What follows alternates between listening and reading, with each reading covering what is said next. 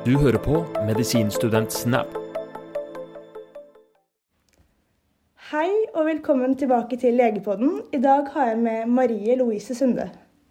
Tusen takk, veldig hyggelig å være tilbake igjen. Det er veldig gøy å ha deg her. Ja. Så til dere som har fulgt litt med på Legepodden, så har Marie blitt intervjua av Herman, om dere vil gå og lytte på den episoden før dere lytter på denne her. Så til de som ikke vet, så er Marie lege, først og fremst kirurg, og du har en doktorgrad i tillegg. Og så er hun også gründer og leder for selskapet Equality Check. Stemmer dette? Det stemmer. Det, jeg kan jo til siden jeg er lege på den gjøre en liten presisering, så ikke folk blir liksom sinte pga. det. Men jeg er jo ikke ferdig med kirurgispesialiteten. Men jeg har eh, noen år bak meg som i spesialisering innen kirurgi. Ok, er det... vi er formelle på titlene her, så ikke noen blir eh, Jeg har fått noen sinte innboksmeldinger etter jeg har vært på Dagsnytt 18, når de de setter jo alltid opp veldig sånn korte og tabloide titler. Okay. Og da har jeg fått noen sinte innboksmeldinger fra noen som har sendt Men er du, er du egentlig ferdig kirurg? Mm. Er du ferdig med spesialiteten? Ja. Men du er veldig nærme, da. Ja, ja, jeg har jobbet noen år. Ja. ja. Mm. Greit. Så Marie, jeg hørte på din episode med Herman da jeg gikk på videregående. Og jeg fikk veldig mange reaksjoner da jeg hørte på det intervjuet. For du var jo under spesialisering og var på vei til å bli kirurg. Det virket som at du hadde stålkontroll både som lege, men også som medisinstudent. Men så plutselig så endte du opp med å bli gründer. Vil du Mm. fortelle litt om det? Ja, det var ikke en, eh, et karrierevalg som jeg hadde trodd at jeg skulle gjøre. Jeg har eh, Jeg tror vi snakket om det i den forrige podkasten også. Jeg var kjempeinteressert i kirurgi. Er det fortsatt. Eh, Var veldig fokusert på at det var kirurgi jeg skulle bli. Så det, det tror jeg at jeg bestemte meg for allerede på fjerde semester. eller noe sånt, At jeg da var veldig mye med på eh, i klinikken. Eh, Så helt inntil noen uker før jeg sluttet, så Eller nesten egentlig uken før jeg sluttet, så hadde jeg aldri trodd at jeg skulle gjøre det. Eh, Så det har ikke vært noe stort ønske for meg om å måtte, være gründer eller starte mitt eget selskap eller gjøre noe eget. Eh, Men etter hvert så eh, opplevde jeg noe som jeg tror veldig mange sykehusleger kjenner seg igjen i, at eh, arbeidsforholdene på sykehuset er ikke bra. Og det er ikke fordi man blir lei nødvendigvis av vakter eller liksom sånne type ting. Det vet man jo om, det er mange som blir lei av det. Men det går mye mer på hvordan man behandles som ansatt. Hvordan, hvilken jeg sier ofte at eh, legene er på en måte de siste gruvearbeiderne. Eh, litt grann, at du, du blir ikke er, Sykehuset er ikke opptatt hvordan du har det. Sykehuset er ikke opptatt hvordan, eh, om du får brukt ditt potensial. Man gjør etter hvert mer og mer rutinearbeid eh, som blir motivasjonsdrepende etter hvert. Eh, Så det var en del sånne ting. Eh, Jeg var jo på en avdeling hvor det var, hvor det var mye maktmisbruk, og hvor det var dårlig, dårlig stemning og kanskje enda dårlig, dårligere håndtering av ansatte enn det er mange andre steder. Eh, eh, Og begynte å si fra litt om det. Og det, jeg var jo da til en viss grad litt mer offentlig også på eh, for å fronte likestilling og mangfold var en, innenfor en spesialitet hvor det veldig, er veldig mannsdominert. Eh, Det ble eh, en del reaksjoner fra ledere på min avdeling på at jeg snakket om likestilling og mangfold og viktigheten av det, uten at jeg sa noe negativt rundt, eh, rundt avdelingen eller sykehuset. Eh, og det var mange på avdelingen, både menn og kvinner, som opplevde eh, maktmisbruk av, av ulike art. Så for min del så handlet det litt om at jeg syns det er frustrerende at eh, leger utad i samfunnet fortsatt har en litt sånn rolle eller stereotypi med at leger er så Det er en veldig elitistisk gruppe, du er på toppen av samfunnet, du har så mye makt, du er veldig arrogant, du driter i alle andre. Eh, det er veldig vanskelig å få, eh, me, altså få noe sånn samvittighets- eller sånn medfølelse med leger i offentligheten. Eh, Det er andre helsefaggrupper som har mye enklere for det. Eh, Samtidig som at jeg opplever at det er en stereotypi som er veldig utdatert. eh, Og at leger i dag er en gruppe som er ekstremt dedikert, eh, jobber veldig mye for pasientene i et system som overhodet ikke behandler leger bra. Eh, Og det begynner vi nå å nå tipping point på. Jeg tror at eh, det, det blir vanskelig å, å rekruttere og holde leger både i primær- og sekundærhelsetjenesten hvis man ikke gjør noe med det. Og hvis man skal kunne gjøre noe med det, så er det viktig at den historien også kommer ut. Ja. Så det var noe med å også kunne eh, være en stemme utad på at dette er, dette er hvordan det er å være sykehuslege litt. Grann. Eh, på min avdeling så var det jo også, i tillegg til det kanskje som er vanlig på, på, avdelinger eller på sykehus, så var det også mye det var mye trakassering. Det var en høy andel av seksuell trakassering. Det tror jeg det er fortsatt, for alt jeg vet. Eh, men, og det å, å kunne på en måte ha en, en, offentlig stemme nok til at det å kunne si fra om det, og det å kunne bli til dels hørt på det, var eh, noe som jeg syns var viktig. Wow. Altså, nå sitter jeg her da, som førsteårsstudent. Jeg kommer rett fra videregående. Og jeg husker at da jeg hørte på det intervjuet, så fikk jeg ikke så veldig lyst til å gå inn i en utdannelse. Det, det tar jo seks år. Turnus, spesialisering. Jeg var sånn wow, jeg må virkelig like medisin for å starte på det her. Og det, bare, det kjipe er at det er ikke bare jeg som skal inn i den veien. Det er veldig mange andre som gjør det, og det er en veldig lang vei å gå. Du må være veldig dedikert, disiplinert. Og det er resultatet. Det er veldig kjipt. Ja, det er kjipt. Og altså, jeg tror man skal skille mellom uh, Medisinstudiet er et ekstremt spennende studie. Det gir masse muligheter. Uh, jeg ville uh, definitivt studert medisin en gang til, selv om jeg endte opp med å gjøre noe annet. Eh, så jeg tror det er et veldig bra studievalg, bare så det er sagt. Eh, og det er jo mange kule muligheter på, eh, for å jobbe i klinikken, både primær- og sekundærhelsetjenesten, men jeg tror at myndighetene skal ta alvorlig at der hvor samfunnet for øvrig har gått i en retning av at man ønsker å utvikle potensialet, man ønsker å, å behandle de ansatte bra man ønsker å gi fleksibilitet, autonomi, eh, selvfølgelig innenfor de rammene som er i den bransjen man er, eh, så har eh, sykehusene gått i en helt annen retning. Mer og mer rigid, mindre og mindre autonomi, mindre og mindre fokus på at den ansatte skal ha et er en viktig brikke som skal ha et liv som fungerer. Følelsen av at du gir alt til sykehuset, men aldri får noe igjen eh, de få gangene det trengs. Det tror jeg er en utvikling som sykehusene skal ta alvorlig, myndighetene skal ta alvorlig. Eh, og hvor vi nå også begynner å se en økende brain drain inn i andre eh, steder. og Jeg så nå at myndighetene var ute og sa at eh, løsningen på det er å forby private aktører. Som jeg tenker er, er en spesiell behandling for et problem som, som er økende. Nei, altså du har jo tatt problemene inn i egne hender. Du har jo valgt vet du nå skal jeg løse, prøve hvert fall løse det. Kanskje ikke alene, men du er i hvert fall i starten på det. Vil du si noe om det? Om quality check? Ja. ja. Så det eh, Jeg tok jo da det valget om at eh, noen må si fra offentlig. Jeg opplever at det er veldig mange som deler min opplevelse av hvordan det er å jobbe på sykehus. Jeg følte at du tok en for laget. Ja, så det var det, det, var det jeg tenkte litt. At noen må gjøre det. Og så er det dessverre Grunnen til at folk ikke sier fra, er at karrierekonsekvensene er så store. Du kan jo ikke si fra og fortsette å jobbe. Eh, og det er noe som kanskje av og til er liksom frustrerende. Eh, jeg har etter hvert veldig mange venner som har vært i situasjoner som ikke er hvor arbeidsgiver har brutt reglene. At man har blitt sagt opp i permisjon f.eks., at man ikke får fast stilling når man skal ha det, osv. Og, så eh, og hvor rådet fra juristen i Legeforeningen er at ja, nei, dette er jo ikke lov, men hvis du har tenkt å fortsette å ha en karriere, så burde du ikke si fra, fordi det kommer til å få for store karrieremessige konsekvenser. Eh, og det er jo veldig trist at det er sånn, men det, det var jo liksom det, det, var det jeg tenkte primært. At jeg var Opplevde selv i hvert fall at jeg var i en situasjon hvor jeg var godt jeg hadde akkurat tatt ferdig doktorgraden. Jeg opplevde at jeg måtte, bli sett på som en eh, OK, flink person. Eh, at jeg hadde mulighetene foran meg hvis jeg ville det.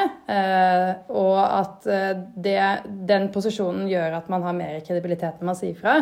For vel, ofte i dag så blir det litt sånn at du du taper så mye på å si fra at de som til slutt ender med å si fra, det er de som ikke har noen ting å tape lenger. Eh, og da er kredibiliteten i den meldingen på en måte er, er jo ikke like høy alltid, for det kan forklares som, som andre ting. Mm. Så det var som en ting jeg tenkte på. Så hadde jeg eh, i hvert fall til en viss grad en offentlig stemme på det som går mer på kultur og, og like muligheter og ut i, i det offentlige, som gjorde at det var en større sjanse for at hvis jeg sa fra, så kom det til å komme ut.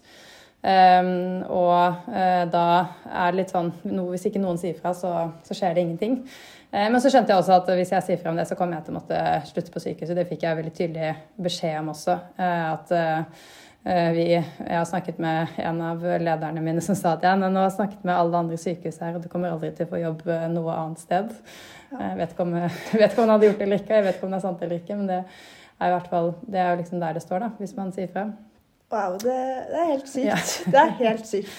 Så, eh, men da hadde jeg jobbet en stund med eh, Jeg startet Hun spanderer eh, i 2015. Eh, jeg har hele tiden vært veldig engasjert i likestillinger og, og like muligheter, og, og, gjorde en del på siden sånn internasjonalt gjennom ulike eh, FN-prosjekter, og ble da invitert til FN i 2014 da de lanserte Hi for ski-kampanjen. Ja.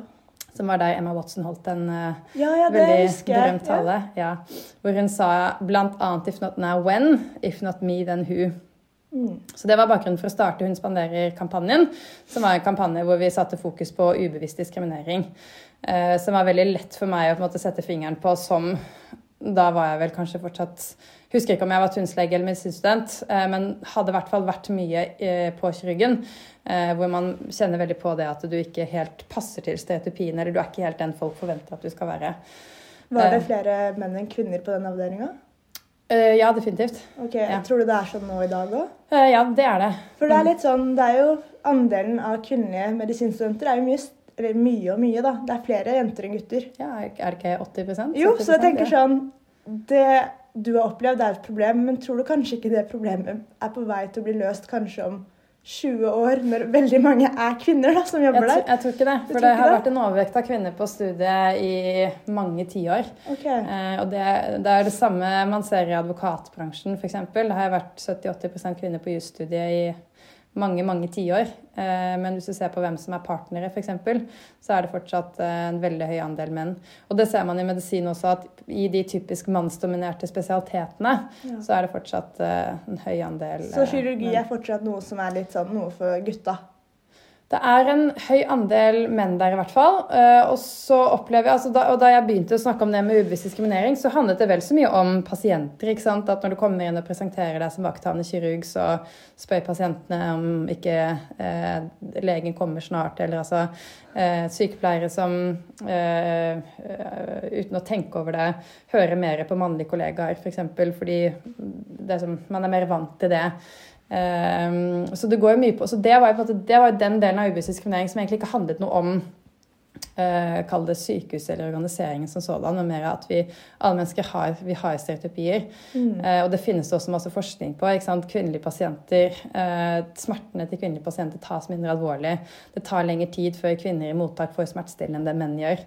Det er oftere at kvinner med med, med hjernesvulst eh, blir eh, tatt for å ha litt sånn hodepine og eh, sensitive problemer. måte, og Derfor tar lengre tid før de blir diagnostisert. Det finnes masse studier som viser at vi sånn, rent ubevisst så har vi stereotypier. Mm. Vi har fordommer, ubevisste fordommer som gjør at vi tolker ting ulikt. Ja. Folk med, med innvandrerbakgrunn, menn med innvandrerbakgrunn blir tatt for å være vaskepersonell og ikke leger. ikke sant? Det Sikkert damer også, men den studien som jeg eh, refererer til, der var det sett på menn. da. Wow. Eh, sånn at vi har, vi, vi har jo masse fordommer, og så agerer vi på dem. Eh, og så får det en del å si. Ja. Så det var jo på en måte bakgrunnen for Hun spanderer-kampanjen. Å begynne å løfte den tematikken. Og, og hva har det å si? Hver enkelt episode kan, kan kanskje virke banal, men akkumulert sett, hvor mye har det å si for, for både på individnivå og på, på samfunnsnivå? Eh, Så da startet jeg en kampanje som het Hun spanderer, som var en mer eh, bevisstgjørende kampanje. Var det da du gikk på medisin? Eh, Da gikk jeg på medisin og var turnuslege. Okay. Så var det den overgangen der. Ja. Okay. Og da, og det var en, det var, da fokuserte vi på næringslivet, da. Der opplever jeg at det er en mye større vilje til å, å gjøre noe med det her Ja. enn det offentlige. Eh, og, det, og da så vi at dette er et tema som kommer høyere på agendaen. For meg som lege, og etter hvert hadde jeg også begynt på doktorgraden, eh, sånn i det små, eller i hvert fall begynne å hente datainnhenting. Uh, og det, uh, etter hvert som vi holdt på, vi hadde kampanjer da i tre år, uh, og så at eh, det er bra at det kommer på agendaen, men det som var frustrerende særlig for meg, var at det var ekstremt lite datadrevet tilnærming til problemet hos bedriftene når det kommer til likestilling og mangfold. Hvilket problem er det vi har? Eh, eh, veldig mye i medisinsk terminologi feildiagnostisering. Eh, og en helt fraværende evidensdrevet tilnærming på løsningssiden. Så eh, selskapene hadde ikke de, de, var ikke noe datadrevet, de hadde ikke noe data. De brukte ikke noe data for å si hva som er vårt problem. Det var helt sånn fingeren i munnen. Eh, F.eks. at jeg tror vårt problem er at eh, kvinner ikke vil jobbe i vårt selskap eh, uten å ha noe data på om det var riktig. Og det, sånn er det selvfølgelig, fordi min kone hun liker best å og hun har valgt å ikke jobbe. Så det er jo sånn er damer. Derfor, derfor så sånn er dette problemet, liksom. Hvis hun er det, så er alle det. ja. Så tanken med det som etter hvert begynte å liksom surre i mitt hode, var dette dette må være mye mer datadrevet. Jeg var initielt inspirert av de uh, veldig gode medisinske registrene vi har i Norge, uh, hvor det er veldig mye data fra langt tilbake igjen, uh, og som gjør at vi har kunnet produsere veldig mye interessant forskning. Eh, og tilbake på den tiden så var det veldig lite forskning på hvilke løsninger er det som faktisk fungerer. Eh, hvis man da ser at virksomheter har XYZ-problem, hva er det man da skal gjøre? Mm. Eh, så da begynte jeg å tenke på kan vi lage et tilsvarende slags register med selskapsdata som forskere kan bruke, for å begynne å se hva er det, hva er det, hva er det som er de typiske problemstillingene, og hvilke tiltak er det som funker. Akkurat. Så vi begynte da å, å lage et selskap, et forskningsprosjekt, eh, hvor vi samlet inn penger eh, og data som Institutt for samfunnsforskning kunne bruke for å forske på. Så det var liksom eh, forløpet som gikk og trultet der i bakgrunnen. Eh, jeg hadde ingen planer om å, hadde ingen planer om å slutte på studiet, nei, slutte på eh, på sykehuset. Um, og mer at dette skulle gå på siden, og det kunne være et forskningsprosjekt som kanskje kunne produsere noe noe mer kunnskap. Okay. Eh, men da jeg da eh, etter hvert valgte å si fra, eh, og sluttet på bakgrunn av det, for da ble det liksom da var det litt for mye å fortsette å jobbe der. Så tenkte jeg at ok, nå må jeg gjøre noe helt annet. Da kunne det vært kult å se på hvordan vi kan gjøre det her i mye mer storskala. Og det ble jo da Equality Check. Wow. Det er jo veldig mye inn i bildet nå. Men det er helt sykt det du har fått til. Og jeg tenker sånn, Du gikk fra ja, du har et problem, men du ignorerte ikke problemet. Det er det jeg litt på en måte beundrer. Du prøver å løse det. Du har fortsatt ikke løst det, for det er et veldig stort problem. det er, problem, ja. et veldig, veldig stort ja. problem, Men du er på vei til å løse det, og jeg må bare si at jeg er skikkelig inspirert. Ja, så hyggelig. Og jeg, jeg føler at vi er på vei mot en forandring. Det kan jo ikke fortsette slik. Det høres jo så teit ut at en som er så flink som deg, måtte slutte pga. noe sånt. Jeg, jeg, håper også at det kommer til å bli bedre. Det som jeg er litt redd for, er at det skal bli mye verre før det blir bedre.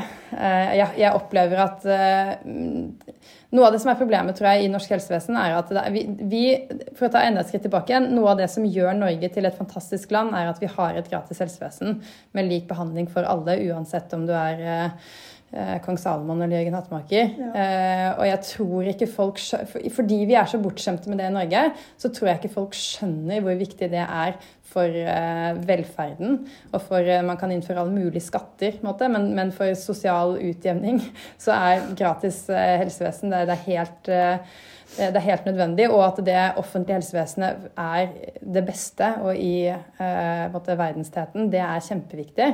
Eh, når man begynner å se på, for I Norge så har man ikke noe forhold til hva helse koster. Men hvis du ser på bare hva en vanlig fødsel koster ikke sant? Det, eh, det er jo helt absurd hvis folk skulle måtte begynne å betale Eller hvis man skulle begynt å betale det av egen lomme, så da har du sosiale forskjeller eh, helt ekstremt. Ja. Så jeg tror det er kjempeviktig at vi som samfunn fortsetter å ha et, et veldig bra offentlig helsevesen. Derfor syns jeg det er overraskende at ikke samfunnet generelt er mer opptatt av eh, arbeidsforholdene på sykehus. Eh, fordi vi er avhengig av at folk orker å ha den karriereveien. Eh, og jeg syns det er rart at myndighetene er så lemfeldige med eh, utviklingen av helsevesenet. Og jeg opplever ikke at myndighetene skjønner helt eh, utfordringene som er i sekundær- og primærhelsetjenesten i dag, og hva som kan være konsekvensen av det. Ja. Nei, jeg føler på en måte at det kunne på en måte vært enkle løsninger, sånn faktisk. Ja, ubevisst diskriminering, det eksisterer. Ja, det er dårlige arbeidsforhold, men man kan alltid forbedre det. Men jeg føler ikke at man har De som kan velge, da. At de, ikke vel, de bare vil ikke forbedre det. De bryr seg ikke. Jeg tror ikke de skjønner. Eh, jeg tror det er det som er Eh, så det er noe av det som jeg tenker at Og der tror jeg, hvis vi skal ta litt selvkritikk som kollegium, så tror jeg leger det fantastiske eh, med leger, men som av og til også er akilleshælen litt, er at de, hvorfor studerer man medisin? Jo, for de aller fleste tilfeller så er det fordi du brenner for faget, og eller at du brenner for å hjelpe pasientene. Og veldig ofte så er det en kombinasjon av de to. Eh, og så eh, har forholdene blitt litt sånn at du må løpe fortere og fortere, og du må gjøre mer og mer. og systemet i seg selv sikrer jo ikke at det ikke går utover pasienter i dag. Så grunnen til at ikke det går utover pasienter i dag, det er at du har alle disse tusenvis av enkeltindividene som strekker seg kjempelangt for å få det her til å funke. Ja. Eh, og det Førsteprien blir hele tiden at pasientene ikke skal lide, og de skal få god behandling. Og så tolererer vi på en måte mer og mer, eh, og så har det, har det gått litt for langt. Ja. Eh, så jeg tror at, eh, Og så har, eh, har, jo myndighetene monopol på jobbsituasjonen, veldig mange har midlertidige ansettelser. Eh, det er, det er ikke så mange sykehus i de sentrale områdene nødvendigvis. Det er, det, man er redd for jobbsikkerheten, på en måte, og så må du bare få det til å funke. Du, det tar tolv år å bli ferdig være spesialist for de fleste, og hvis ikke du kan fortsette den jobben, så blir du ikke ferdig. Ikke det er et maktforhold der som er ganske ujevnt. Ja, for et annet spørsmål her er barn. Veldig mange, eller kanskje ikke alle, men man vil jo kanskje få barn også i løpet av alt det her. Og hvis du starter på studiet som 19-åring og fullfører studiet, går turnus, spesialisering, det tar jo tolv år, mm. og oppi alt det her, så får man ikke så veldig sånn derre Man har ikke en sånn følelse at det er trygt for meg å få barn. Nei, og Det er mange grunner til at det kanskje ikke kjennes så trygt. Det ene er jo disse midlertidige ansettelsene. Får du egentlig forlenget vikariatet ditt? Mange blir jo mister vikariatet i permisjon osv. Og, og så er det jo det med kan, er det forenlig med barn. Hvis du må være på sykehuset klokken syv hver dag og eh, ikke er tilbake igjen før fem på ettermiddagen og jobber eh, hver tredje helg og har eh, nattevakter innimellom. Og liksom, hvordan, hvordan får du det til å gå i hop med Den fleksibiliteten der kan jeg ikke se for meg for noen. Nei, og der er jo andre deler av arbeidslivet mye mer opptatt av å Det er mange andre deler av arbeidslivet hvor det er hardt arbeidspress, men hvor fleksibiliteten og autonomien gjør at det, det er veldig mye lettere å kombinere med et uh, familieliv. Så jeg tror liksom tilbake igjen til uh, kollegiet. på en måte, hva, hva, kunne vi gjort annerledes, eller hva kan vi gjøre mer fremover? Så tror jeg at hvis vi hadde stått samlet som et kollegium og satt litt mer krav, Eh, så eh, det er ikke, fordi at vi skal legge Jeg er veldig opptatt av at eh, det skal ikke være de ansattes ansvar å sørge for gode arbeidsvilkår, for det er arbeidsgivers ansvar. Eh, og så er vi dessverre i en sånn situasjon at arbeidsgiver er ikke så opptatt av det når det kommer til, til eh, sykehusene og, og, og, de som Rammene for, for fastleger. Eh, og da eh, tror jeg at vi kan kanskje stå sammen litt mer som leger og stille litt større krav eh, til å ikke bare løpe fortere og fortere og eh, sørge for at ikke det går utover pasientene. Det skal jo selvfølgelig ikke gjøre det, men at vi også kan begynne å stille litt krav til hvor, hvor fort skal vi egentlig løpe, og hva er det vi egentlig skal finne oss i av eh, eh, dårligere vilkår, og også litt på arbeidsoppgaver. Er det riktig, selv om, selv om leger ikke er så mye dyrere i drift enn eh, sekretærer, måte, er det riktig at man som lege skal gjøre mer og mer administrasjon og sekretærarbeid? Ja, for det har jeg også hørt, at uh, lisensleger bl.a. er jo egentlig sekretærer. Ja, ja. Er det sant? Eh, det kommer helt sikkert veldig an på hvor man har turnus. Eh, og så kommer det tror jeg, veldig an på eh, hvor proaktiv man er selv. Men mange steder, ja, så brukes jo LIS1 mye til det dokumentasjonskravet som etter hvert er. Skrive lange epikriser, lage innkomster som etter hvert ser ganske like ut. Det er jo fascinerende at man ikke Kan du ikke ha en ChatGPT som skriver krisen etter hvert? liksom? Hvorfor må det, må det være så analogt på en måte som det er i Men det er her innovasjonen kommer inn. For ja. du tok jo opp likestilling og mm. skapte equality check. Og medisinstudenter føler jeg har en tendens til å bare følge en plan. Sånn, da jeg intervjua Anne Spurkland f.eks., så mente hun at medisinstudiet det er ikke et studie, det er en skole. Det er en puggeskole. Du bare går gjennom ting som alle andre før deg har gått gjennom. Jeg husker bl.a. at jeg satt på cellebioforelesning, at de forelesningene de brukte, var fem år gamle. Seks år gamle. Tenk at en person skal uteksamineres nå i mai, og jeg er sånn, ja, de bruker samme lysbilde. De bruker samme notater. Kult. Mm. Så jeg tenker at det er kanskje litt lurt å tenke litt mer sånn som medisinstudent. Ikke alltid følge den veien. Ikke alltid tenke at nå skal jeg gjennom dette, nå skal jeg gjennom dette. For alt er jo egentlig sagt, sagt på stein. Sånn, Først fullfører du dette, og så går du videre til dette. Men heller sånn, hvis det her er et problem, hvis det her kan bli gjort på en bedre måte, hvorfor ikke gjøre det? Ja, og sånn tror jeg man kan tenke hele tiden. Og jeg tror ikke man skal undervurdere litt Det er jo eh, kjedelig å sitte og pugge cellebiologi når man gjør det. Og det er kjedelig altså det er, Noen ganger så kan man bli overrasket over at uh, denne operasjonen gjorde de på 1850-tallet også. Uh, men så tror jeg ikke man skal undervurdere, for det, det, man lærer, det har jeg satt veldig pris på etter å ha gått ut av medisinverdenen over i noe annet, at det man lærer som medisinstudent, eller som ferdig når du går gjennom medisinstudiet, det er å ta til deg enorme mengder informasjon, sortere den informasjonen. Plukke ut hva som er viktig og uviktig viktig. Plukke ut hva som er viktig og ikke viktig. Eh, og det er en egenskap som en ferdighet som er kjempeviktig, og som blir mindre og mindre vanlig.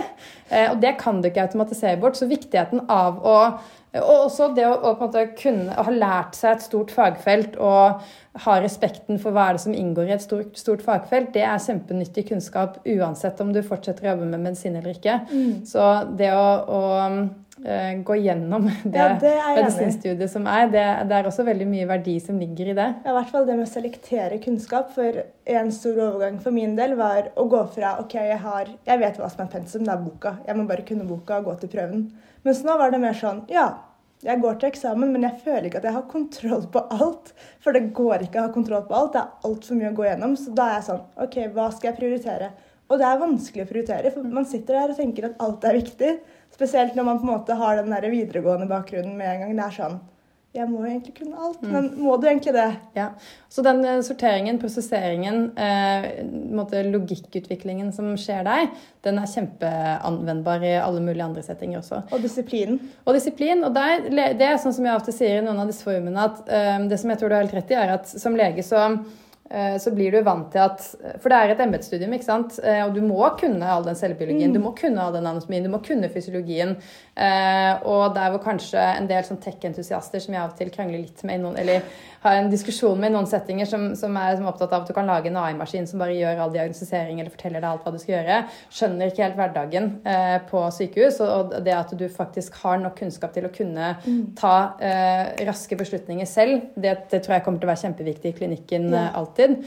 Men, øh, og det som du da som lege, øh, etter hvert som du jobber også, så man jo, ser man jo veldig tydelig at hvis du skal jobbe som det, så må du ha masse kunnskap. ikke sant? Og du, må, du kan ikke være anestesilege uten å ha tatt ferdig anestesispesialiseringen. Så fra du da startet på eller kirurg eller gynekolog eller indremedisiner. Så fra du starter på medisinstudiet til du er ferdig spesialist, så tar, tar det jo da, da 12-15 år for de fleste å bli, på en måte, komme til det nivået. Ja, det er helt sykt. Og det er en erkjennelse som jeg tror mange leger da tenker at ok, men nå er jeg 38 og ferdig anestesilege.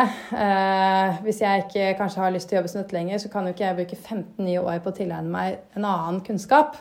Eh, men sånn er det ikke nødvendigvis. Eh, fordi eh, de aller, det, er, det er få andre karrierevalg som krever en så stor grad av kunnskap om det emnet før du kan jobbe med det. Eh, og som lege, så uten at, uten at, vi kanskje tenker over det, så lærer man veldig mye om alt fra problemløsning Medisin handler jo om diagnostisering. ikke sant? Problemløsning. Det er mm. noe av det viktigste egentlig de aller fleste eh, jobber handler om problemløsning vi må gå på. Eh, og ekstrahere informasjon, se hva som er viktig, hva som er ikke viktig. Det er veldig mye ledelse i, i, når man jobber som lege. Altså I næringslivet så er jo alle opptatt av ledererfaring og lederkompetanse og formell ditt og formell datt. Som lege så eh, De færreste har personalansvar, men det du nesten alltid har, er teamansvar eh, etter hvert. Både som primærvakt og sekundærvakt og som overlege. Du har et stort faglig teamansvar.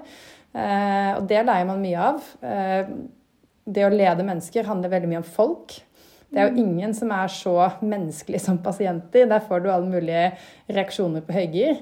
Eh, og det å lære seg å prate med pasienter, ha vanskelige samtaler, det gjør at det å, å snakke med ansatte senere blir jo en, det er jo en mye, kan være mye enklere eller mye mindre alvorlige ting du skal Eh, bringe på banen da. sånn at i alt rundt medisin så får vi jo med oss veldig mye kompetanse som er superanvendbar andre steder.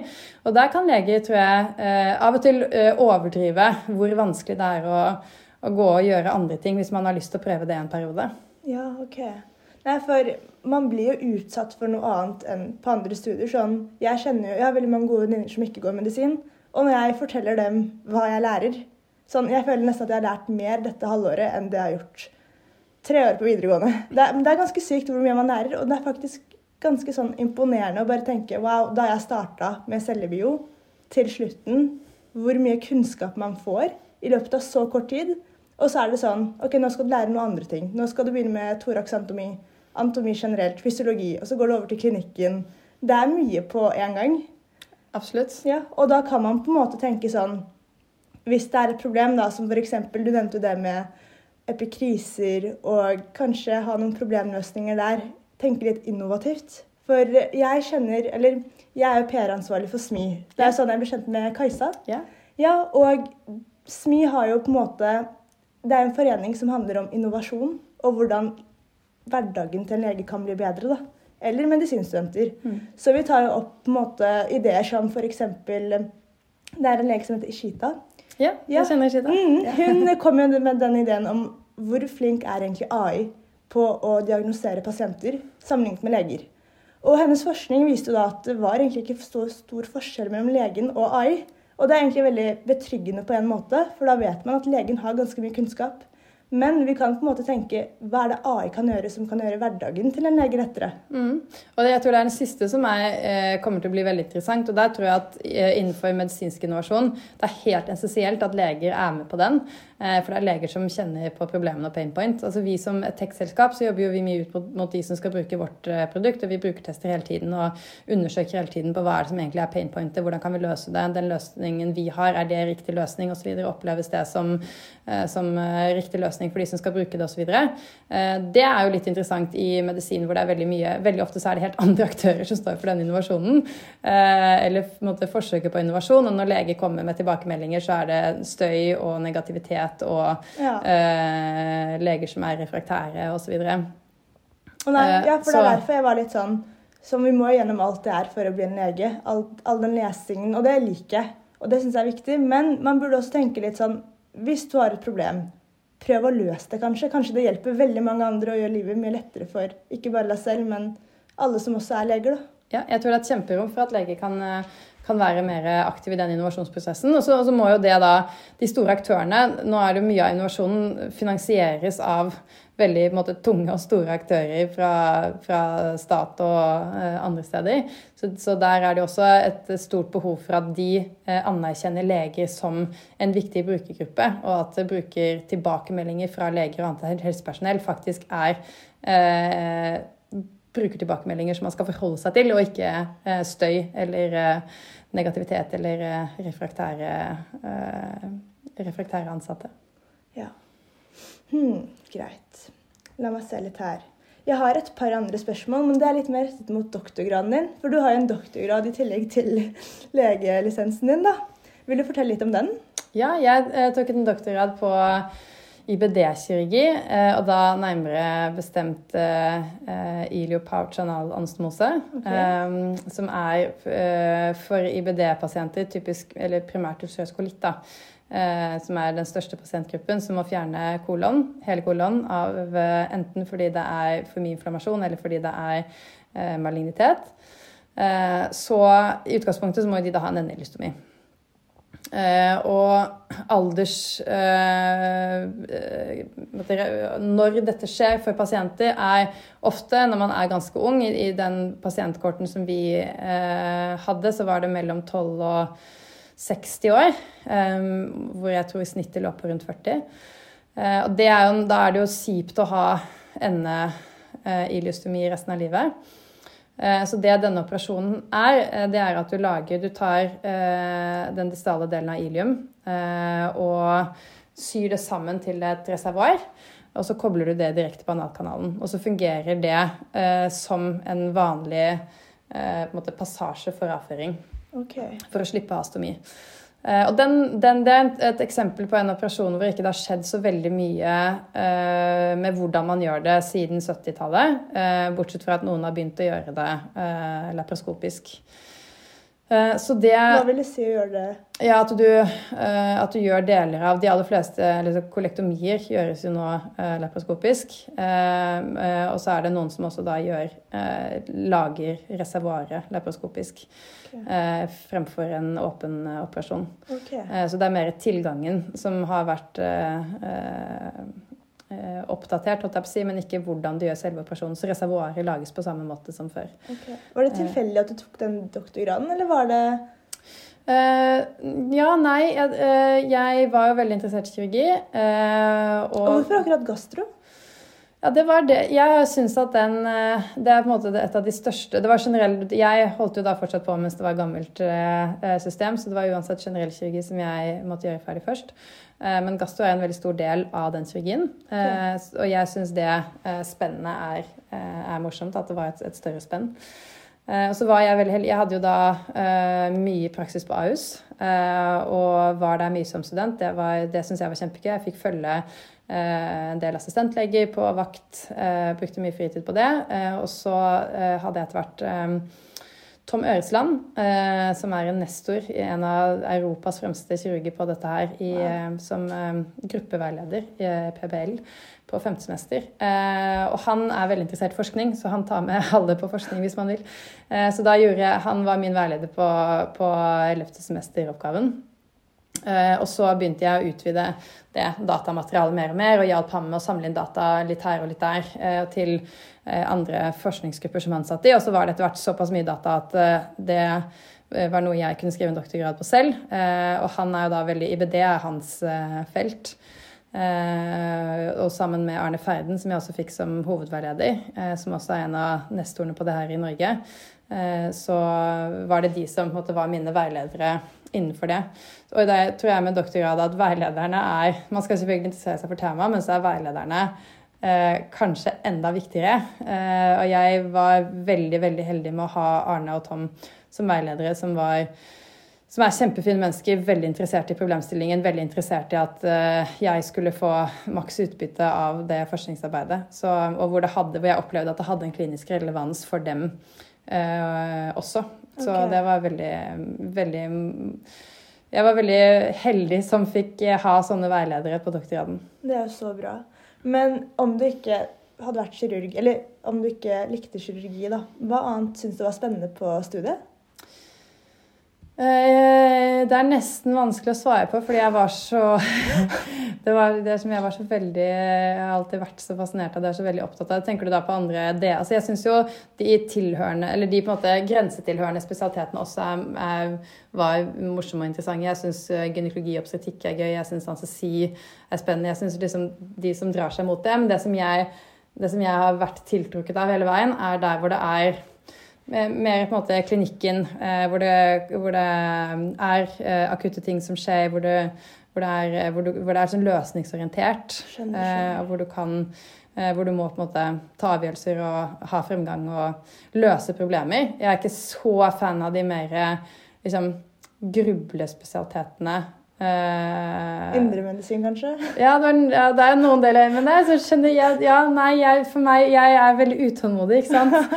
Så, så ikke for liksom å undervurdere det feltet, for det, det er jo et kjempespennende felt. Men det som passer ikke helt mitt lynne. Ok, nei, for uh, Da jeg hørte på episoden med deg, Herman, så var det det med forelesninger på Ja. studiet. Du var ikke så veldig interessert i å sitte der fordi du mente at det fort kunne bli litt monotont.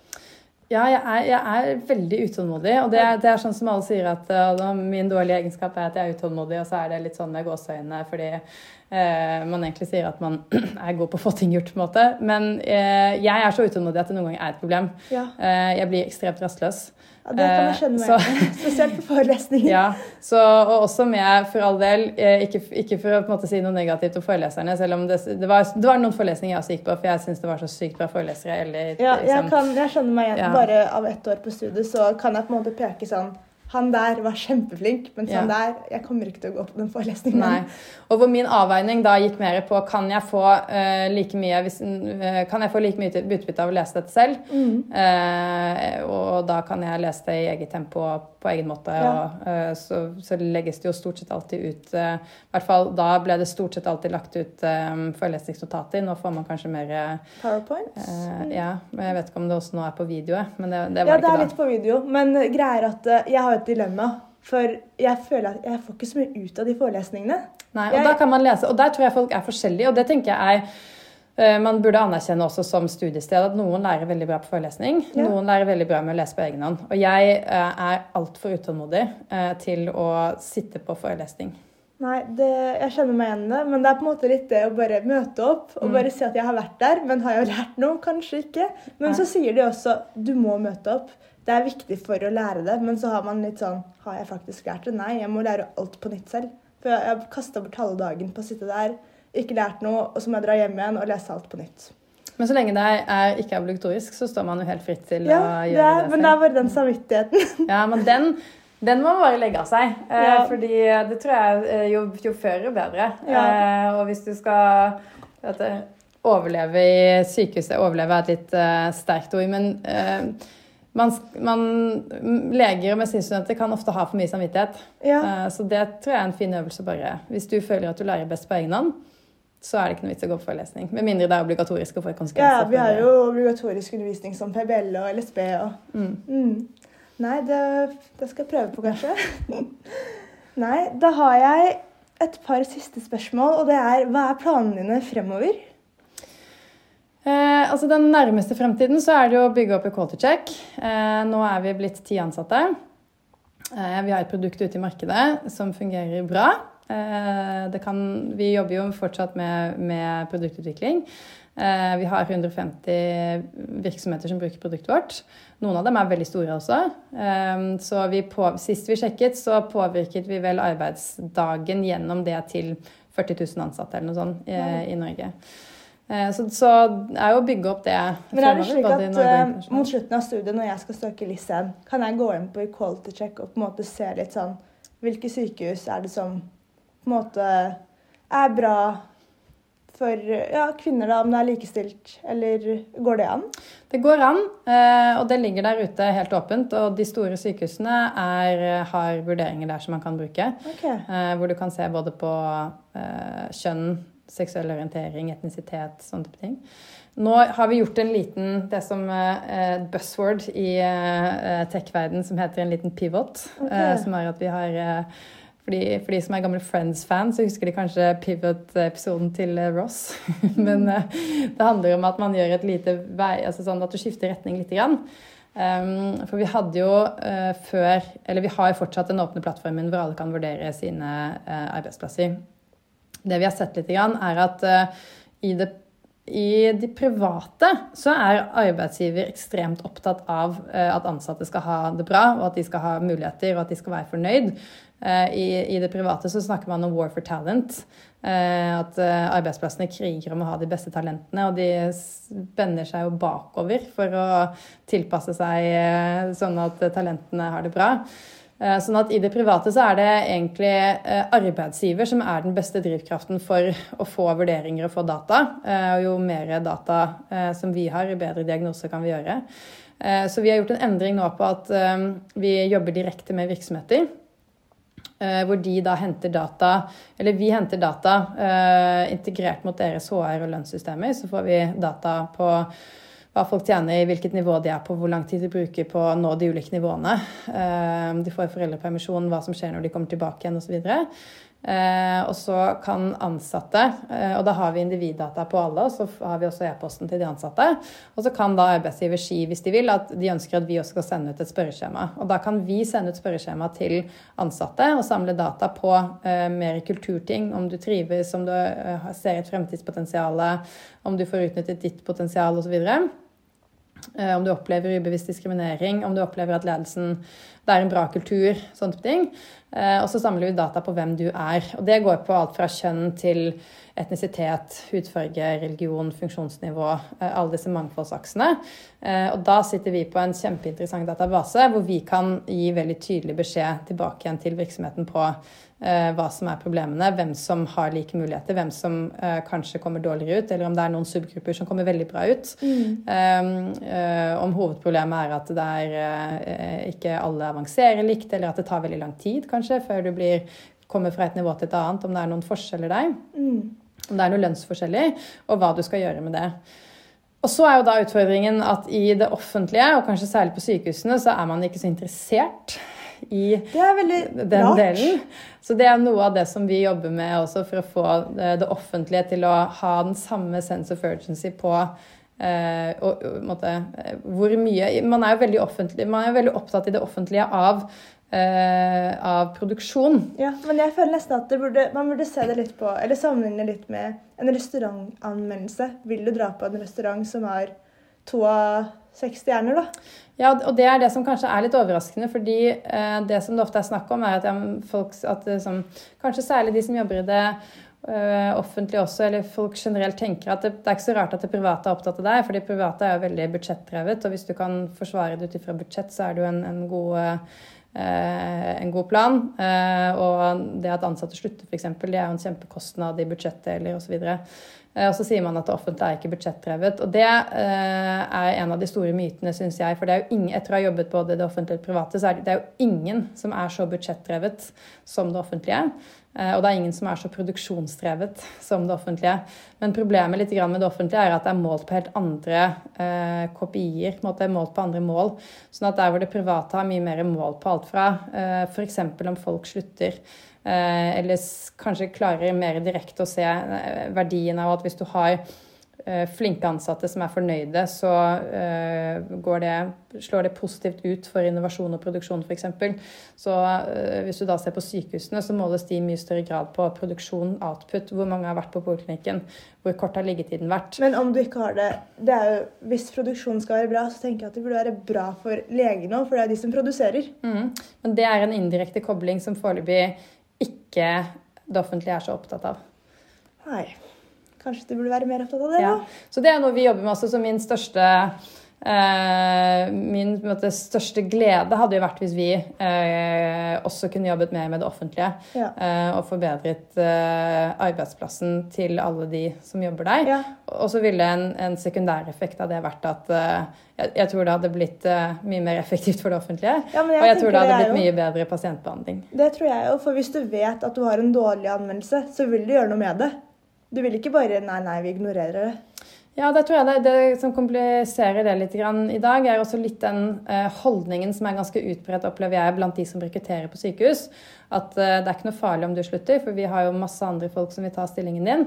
Uh, Men er, er, det egentlig masse andre folk? Ja, det, det, kommer litt an på hvordan du vurderer det. For hvis du ser på antall leger Utdannelsen din, da. Du er lege, du er utdannet her i Oslo, du har en doktorgrad i tillegg er du egentlig erstattbar? er spørsmålet. Jeg syns ikke det.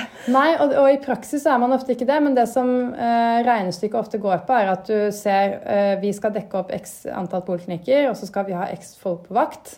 Eh, og så skal vi ha x folk til å gå opp visitt. Eh, og, og, så lenge det regnestykket fungerer, så er vi fornøyd. Uh, og så, det, så, er det jo ikke sånn i praksis, fordi en lege er ikke en lege. så, så det, det, det, er noe med Det som jeg tror er et clou her, er at det er noe med insentiveringen av driften på sykehus, eh, hvor det er blitt så stordrift. Eh, og det er, blitt så mange etter hvert som setter premisser bakover i systemet, som ikke har begrep om hva sykehushverdagen egentlig er, og hvor man har mistet litt synet kanskje på hva er det vi egentlig skal produsere. Er det eh, god eh, helsehjelp, som selvfølgelig også er effektiv, eller handler det bare om produksjon, helt uavhengig av hva som produseres? Skjønner. Wow. Nei. Er det noe mer du vil fortelle mens vi er her? altså, jeg, jeg, tror det er Man skal Jeg føler på en måte at jeg, jeg, føler at det er et veldig løsbart problem. Men det er bare de som på en måte har det ansvaret til å løse det, de ser ikke at de må løse det, kanskje. Nei, har, eh, og det tror jeg du har helt rett i. Um, så har jeg veldig respekt for å si at uh, dette er noe lege må løse selv, fordi som ansatt så har man et veldig svakt vern.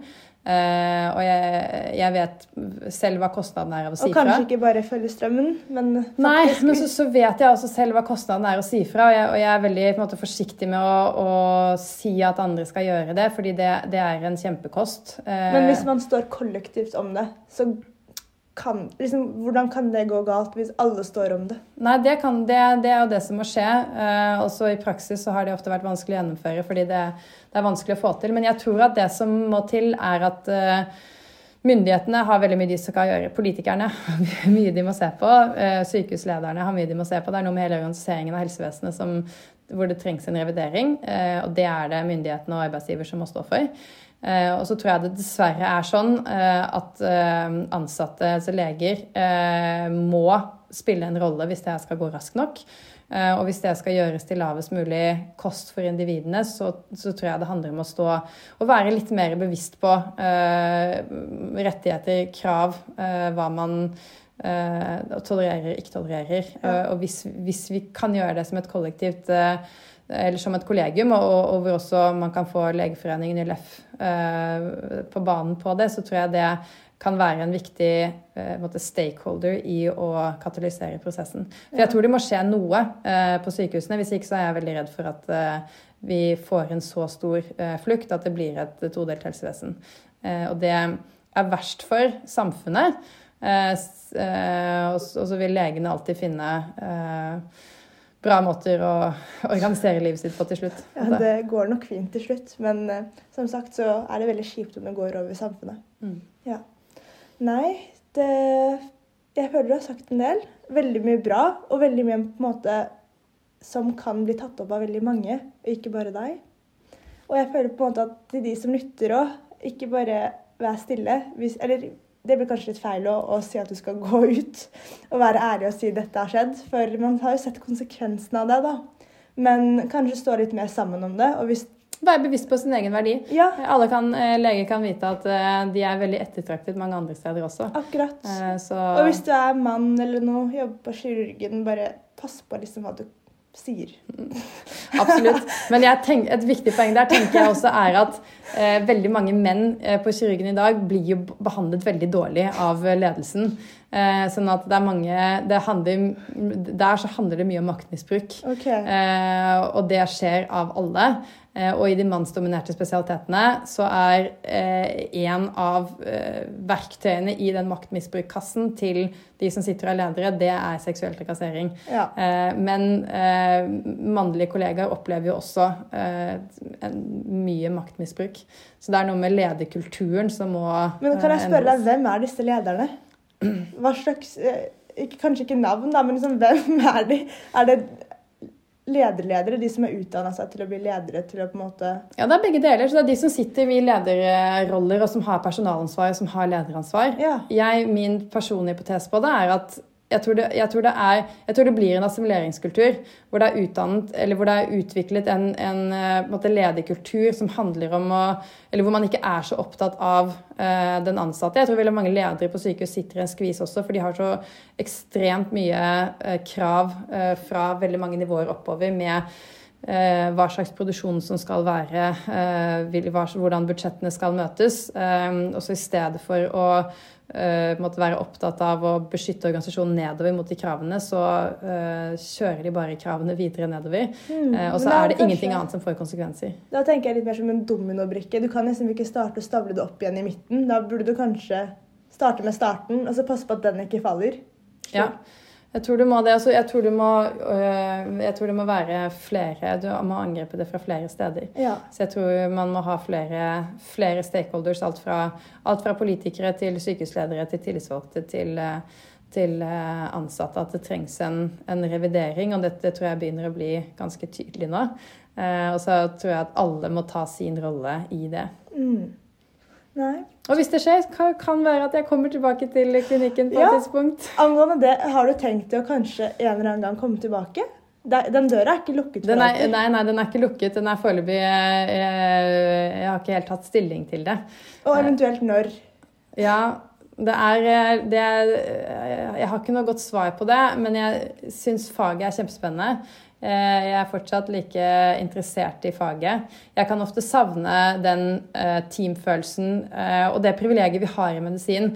Nå har jeg bare eh, jobbet på sykehus, eh, så jeg kan bare snakke for det. Eh, men det å kunne jobbe i et team hvor alle er kjempeflinke på sitt felt, og hvor alle har en fagkompetanse, hvor du på en måte har en felles referanse på hva som, hva som er å ha kompetanse og ikke. Eh, og det er noe som jeg eh, på en måte definitivt kjenner på etter å ha gått ut og jobbe i mer eh, eh, i det private, hvor det er alle mulige forskjellige bakgrunner og eh, problemstillinger, eh, og hvor ikke nødvendigvis det er veldig varierende i hvor stor grad folk måtte, har en kjempefagkompetanse eller ikke. Og det privilegiet å kunne jobbe i sånne team, er jo Det savner jeg. Det er kjempegøy. det har vært veldig gøy å se deg tilbake. Og bare gi en eh. finger til den som sa nei, du kommer aldri til å få jobbe på en eller annen sykehus. Ja, jeg vet ikke om det var riktig eller ikke riktig. Men nei, det kan godt være at eh, jeg kommer tilbake igjen. Men eh, jeg ser jo også, og det har jeg tenkt på enda mer etter at jeg har fått barn Hva er det når du sitter der og er 50-60-70 år? Hvilket liv er det du ønsker da? Og når jeg ser på livet til en del av overlegene på sykehus, er jeg veldig usikker på om det det er det livet jeg ønsker, eh, pga. Eh, hvordan ansatte behandles og den, det fraværet av autonomi og fleksibilitet, og, og at du ikke eh, du, ikke verdsettes eh, på samme måte som man etter hvert gjør andre steder. Det er veldig rart, for når man går ut av det miljøet, så tenker man sånn Oi, Man tenker jo Oi, du er lege. Man er jo på en måte litt sånn man, Folk tror du er eliten, så er du egentlig ikke i det. Nei. Nei, den er litt kjip, da. Mm. Kanskje det forandrer seg, kanskje det blir verre. Vi får se. Forhåpentligvis. Jeg tenker sånn Hvis det blir bedre, så ser vi jo kanskje det i framtida. Men hvis det blir verre, så ser vi det også. Så det er litt sånn, man vet ikke helt hva fasiten er ennå. Hva tror du? Vi får håpe at det blir bedre på lang sikt. Ja. Uh, og, så, og det må det jo bli. Og så tror jeg spørsmålet mer uh, hvor mye verre må det bli før det blir bedre. Mm. Og forhåpentligvis så skjer det ikke noen irreversibel skade på veien. Nei. Har du et par siste tips til oss medisinstudenter eller yngre leger der ute? Feltet er kjempespennende. Eh, det, det å bli lære mye om eh, medisin eh, og all den andre læringen man får underveis i form av kontakt med mennesker og team og alt sånt. Det er superkult, så det må man ta med seg. Eh, du var inne på én ting. Men syns jeg er ekstremt samvittighetsfulle. Eh, det er eh, både eh, en fordel og en ulempe. Eh, så jeg tror eh, alle kan eh, ha godt av å Det å få dårlig selvfølelse av å bare ta en pause. Ja. Selv det bare. Nå må jeg liksom OK. Selv. Det blir ofte et liksom kollektivt stresselement på PK. Jeg var veldig lite på PK etter hvert også, fordi jeg syns det ble så mye Nei, altså, Det ble så høyt stressnivå. Ja, PK er hva kan man kalle det, preklinisk bygg da, for ja. uh, medisinstudenter. Og de som går første og andre året, er ofte der. Eller vi er der hele tiden, egentlig. Veldig sjelden de er på Riksen eller Ullevål eller Ahus. Det skjer nok tredje Man er mye på PK etter hvert. Ja, og man liker jo PK, men når folk sitter på lesesal dag inn og dag ut, så blir det litt demotiverende å være der. Så ja, så det å bare være For det er litt sånn jeg, jeg, husker den episoden der du og Herman prata om det, om hvor lenge har du vært på lesesalen? Mm. Har ikke vært på lesesalen. Ja. ja. Så å ha litt trygghet i seg selv, ha troen på at uh, har, du, har, du, lest nok eller ikke, ja. uh, og ikke, ikke, bruke andre som standard. Ja, kanskje uh, det bare... Hvis du føler at du lærer best på den eller den måten, så gjør det, og så ikke ikke forhold deg til hva andre mener og sier, om det er fakultetet eller om det er med studenter. eller om det er professorer. Og vite at medisin er for stort til å lære alt. Ja. Det... Så å ha det overordnede blikket og ikke alltid detaljkunnskapen. Mm. Så er det selvfølgelig noen steder man må ha den. Ja. Men eh, hvis, hvis, du tar den gjennomsnittlige medisinstudenten, så eh, tror jeg alle kan fjerne noe av sin dårlige, dårlige samvittighet. Eh, og stort sett eh, vinne på det. Det er veldig få som eh, bikker over til å da bli uansvarlige. Det er fint å vite. Tusen takk for at du lot meg intervjue deg. Siste, et siste tips. Okay, okay. Det er også å være proaktiv på studiet og på, i turnus. Eh, det er ekstremt stor forskjell på hva du får gjort eh, hvis du er proaktiv versus ikke. Og det må man jo bare tilpasse til hva man er interessert i. Okay. Men hvis du har et fagområde som du er interessert i, så kan man bare henge med og være med. eh, Ja. Og så får du etter hvert gjort hospitere, bare sjekke det ut? ja, eh, bare sjekke det ut. Og etter hvert som du er ute i turnus, eh, hvis du er proaktiv eh, på vakt, så får du gjort eh, utrolig mye mer. Har du noen tips til hvordan man er det? Bare Ja, det, Da er det lett for meg å bruke kirurgi som eksempel, for det er det som jeg kjenner best. Men det å være med, spørre om du kan være med på prosedyrer, være med på operasjoner. Eh, lese deg opp litt på fritiden, eh, så du eh, vet gangen i en operasjon før du er med, f.eks. Mm. Eh, hvis du vet at du skal være med på noe, sitte og sy litt på en banan eller hva det skal være, så du kan eh, Du vet hvordan du gjør det, sånn at når du blir spurt om du kan sy, så Ah. kan du si at ja, ja, det kan jeg gjøre, så kan du Så bare å ikke være redd for å, å spørre om man kan være med på ting. Derfor har man gjort eh, mye mer. Hvis det er ikke alle mottaket, De aller fleste sykehus så kommer aldri mottaket til å være tomt. Eh, det er ikke noe problem å, gå fra det ikke helt tomt mottak, så lenge du har kontroll og er lett å få tak i. Så um, være litt smart på øh, hva du kan øh, Ja. Av det du er interessert i. Mm. Eh, være med på det. Også. Det verste er jo bare å få et nei. Det er jo ikke så farlig. Mm. Nei? Greit. Tusen takk for alle de tipsene. Jeg skal ta dem videre. Takk for at jeg fikk være med her en gang til. Bare hyggelig. Så da ses vi kanskje til neste episode. Det er bare å glede seg. Eh, ha det bra, og håper dere likte dette intervjuet. Ha det! Du hører på Medisinstudent Snap.